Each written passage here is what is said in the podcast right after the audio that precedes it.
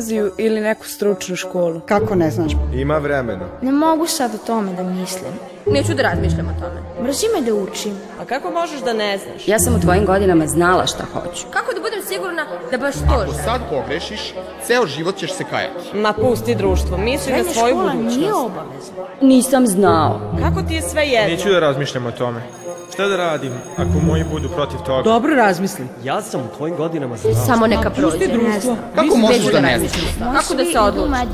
Aj ne smaraj. Zdravo, zdravo. Danas se nalazimo u tehničkoj školi Pavle Savić. I to na njihovim otvorenim vratima. Da vidimo šta sve to oni imaju nama da ponude. Proći ćemo kroz sve učionice, vidjet ćemo kakvi su to smerovi njihovi, kakve su im laboratorije i sigurna sam da će se i malim maturantima koji će ovde da dođu, a i vama koji gledate emisiju, možda raditi neke nove ideje. Zato treba ići na otvorena vrata i zato smo mi sada na otvorenim vratima. Idemo da otkrijemo.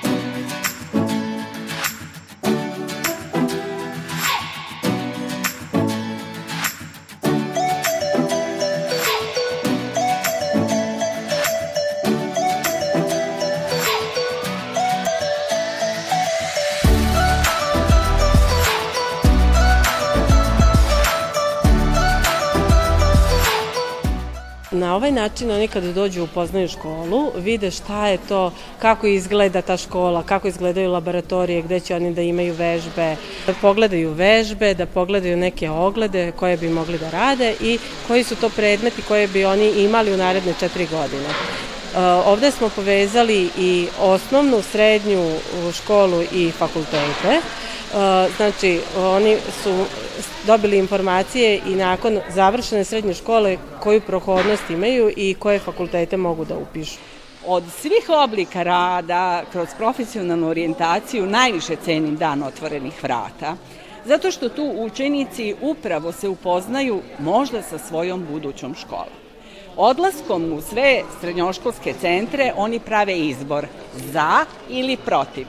Tako da on odmah samim tim tačno znaju šta će onda napisati pod broj 1, 2, 3 ili šta će staviti na kraj liste želja. Znači, savjetujete odlazak na otvorena vrata. Koji je To- drugi način? Toplo preporučujem e, odlazak u srednjoškolske centre. Pre odlaska u srednjoškolske centre ja svojim učenicima pošaljem prezentacije koje sačinim tako što ih upoznam sa srednjoškolskim centrom, upoznam ih sa svim obrazovnim profilima, znači sa opisom obrazovnih profila, od toga šta se radi, kako se radi, gde se može raditi, koje osobine ličnosti, koje sposobnosti, koja znanja su nužna da bi bili uspešni u tom poslu. I onda nakon toga oni još dobiju tu realnu sliku centra gde će to sve izučavati. Jel ti znači ova otvorena vrata u školi? Misliš da je bitan taj kod, kontakt sa školom ili Jeste. u kom smislu? Šta ti je ovo donelo novo?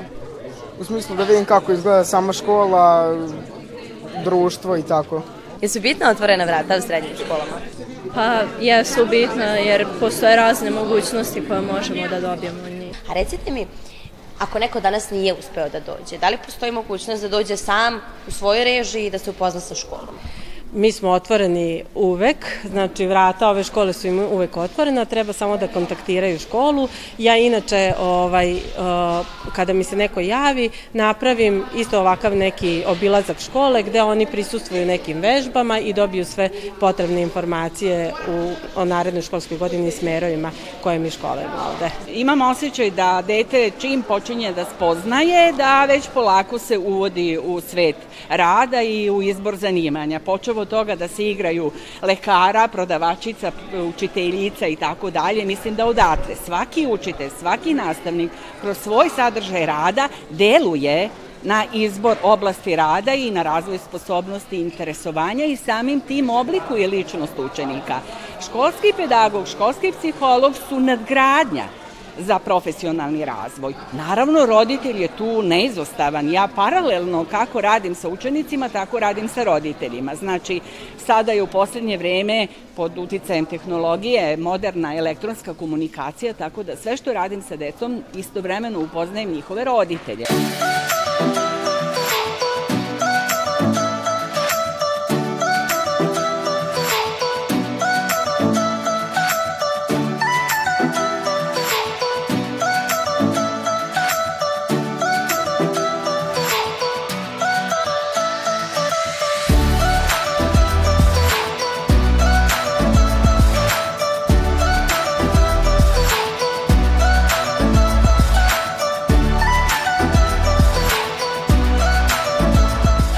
Kako bi ti opisala ova otvorena vrata u srednjoj školi Pavle Savić?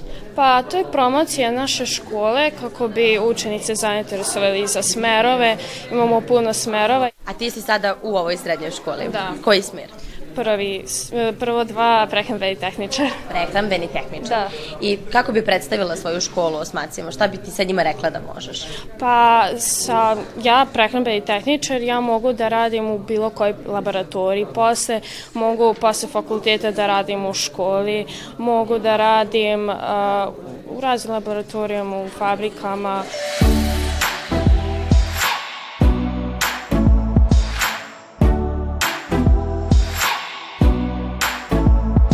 Ovde smo predstavili jedan deo programa sa predmeta vezanih za umetnost, odnosno sa umetničkih predmeta, jel? I konkretno ovo je vajarska radionica koja povezuje arheologiju i forenziku, zove se Novi fosili. Dakle, mi smo po uzoru na stare fosile pravili sada nove fosile. Kako je to lepo doći na otvorena vrata u nekoj školi i potvrditi da je baš to ono što vi želite da upišete. Možda vam se to baš desilo. I dobro je otkriti šta želite da upišete, ali morate da otkrijete i kako ćete da upišete. Zato ćemo pitati neke vaše vršnjake kako se to oni pripremaju za prijemni, šta im je teško, šta im nije teško, koliko su sada u toj tenziji, presiji, kako će upisati. A kako se vi pripremate? Svaki vikend učim uh, kombinovani matu srpski i to je to. Jel se osjećaš bolje kad naučiš da ćeš biti pripremljeniji da upišeš pa, u srednju školu? tako nekako. A kako si namestio sebi taj program učenja? Jesi pa, ga smišljao? Pa otprilike svaki vikend samo učim. Uh, matematiku odvojim sat vremena, srpski sat vremena, tako i kombinovan i to je to. Ko je učio redovno može lako da se pripremi za prijemni, ali ako već niste učili, teško će biti. Ja sad učim, nisam još krenula sa nekim ozbiljnim pripremama, ali krenut ću uskoro. I misliš da su ti potrebni neki privatni časovi ili možeš sve sama? Pa uglavnom mislim da ću moći sve sama, jedino matematika je malo teška, pa ću možda to da neke časove uzmem. Ja ne idem samo u jednu školu, idem i u muzičku školu, pa onda imam dva prijemna. Ali pošto sam htjela u Jovinu gimnaziju, imam prijemni sad u maju za neki smer, idem na pripreme za Jovinu, odmah posle ovoga imam, na primjer, pripremu za matematiku, a sutra biologiju, a idem i na pripreme ovako privatno za matematiku. Znači ti se baš pripremaš, od kad to? Pa pre mesec dana sam krenula nove pripreme, a Jovine su krenule od februara. Razmišljala sam o hemijskoj školi baš dosta i to mi se najviše svidelo, pa sam zato sad pripremam za nju. I iskreno nije teško, mislila sam da će biti teže, ali zapravo nije teško i baš je lako. Je li ti stresan ovaj period priprema? Malo jeste, ali opustila sam se sad kad sam išla na probni prijemni i malo mi je lakše. Znači probni prijemni je pokazao ti koliko znaš? Da, jeste. A reci mi kako se rešiti tog stresa? Gde dobiti motivaciju? Uh, pa, ja sam ranije imala jako velik stres i jako sam se uplašila, ali ka, posle kad sam malo učila i kad sam otišla na problem prijemni, mnogo mi je bilo lakše jer to je ipak više proba i znamo, ka, uh, znamo da vidimo gde smo pogrešili i šta trebamo da naučimo za pravi prijemni. Reci mi šta tebe ometa u pripremama za prijemni?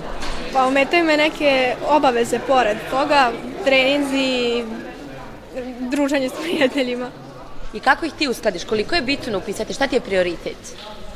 Pa bitno mi je pre svega da se dobro pripremim, a prioritet mi je to da upišem ovu školu jer je dosta me zanima. Znači želiš da upišeš školu, osmislila se šta želiš da upišeš, da. sad se za to pripremaš. Da, smislila sam i šta ću dalje i sve. A jel ti onda lakše kada smisliš i napraviš plan? Pa jeste, zato što znam otprilike šta ću i gde ću. Kako glasi naziv substanci čije su formule date? CH4, CH3OH, HCOOH. Tačan odgovor CH4, metan, barski gas, CH3OH, metanol ili metilalkohol, HCOOH, metanska ili mravlja kiselina. Data formula CH4 Iz nje možemo da zaključimo da se ovaj molekul sastoji od atoma ugljenika i vodonika. Vama je poznato da jedinjenja koja sastoje od ugljenika i vodonika nazivaju se ugljovodonici. Slučaj CH4 pripada grupi alkana, odnosno klasi organskih jedinjenja koje se nazivaju alkani i predstavlja prvi član alkana koji se naziva metan ili drugačije barski gas, zato što nastaje kao proizvod raspadanja organskih jedinjenja životinskog ili biljnog porekla. Na sledećem primeru možemo da primetimo da imamo karakterističnu grupu koja pripada grupi, odnosno klasi jedinjenja koje se nazivaju alkoholi. Kako je prepoznamo? Prepoznajemo preko OH grupe koja se drugačije naziva hidroksilna grupa. S obzirom da ovo jedinjenje sadrži jedan atom ugljenika, možemo zaključiti da pripada prvom članu alkohola. Ovaj alkohol se drugačije naziva metanol. Kako dajemo naziv alkoholima? Tako što na osnovu alkana, u ovom slučaju metan, dodajemo nastavak ol, znači naziv ovog alkohola je metanol. Drugačije, ovaj alkohol možemo nazvati metil alkohol zbog prisustva ove poznate CH3 grupe koja se naziva metil grupa. Sledeće jedinjenje, HCOOH, pripada klasi organskih jedinjenja, odnosno jedinjenja koje sadrže kiseonik. Ovde možemo da prepoznamo karakterističnu COOH grupu, koja se naziva drugačije karboksilna grupa i karakteristična je za klasu organskih jedinjenja koje se nazivaju karboksilne kiseline. S obzirom da ovo jedinjenje sadrži jedan atom ugljenika, takođe možemo da zaključimo da pripada prvom članu e, jedinjenja organskih kiselina. Prvi član alkana naziva se metan i na osnovu toga možemo da izvedemo naziv ove kiseline. Naziv kiseline izvodi se tako što se na osnovu alkana dodaje nastavak ska kiselina, tako da u ovom slučaju ova kiselina naziva se metanska kiselina. Ova kiselina drugačije se naziva i mravlja kiselina, jer je prvi put izolovana iz mrava, ali takođe se nalazi i u nekim biljkama kao što recimo kopriva. Pa upravo kad nas kopriva ožari, to je upravo zbog toga što iglice koprive ubrizgaju kiselinu u kožu.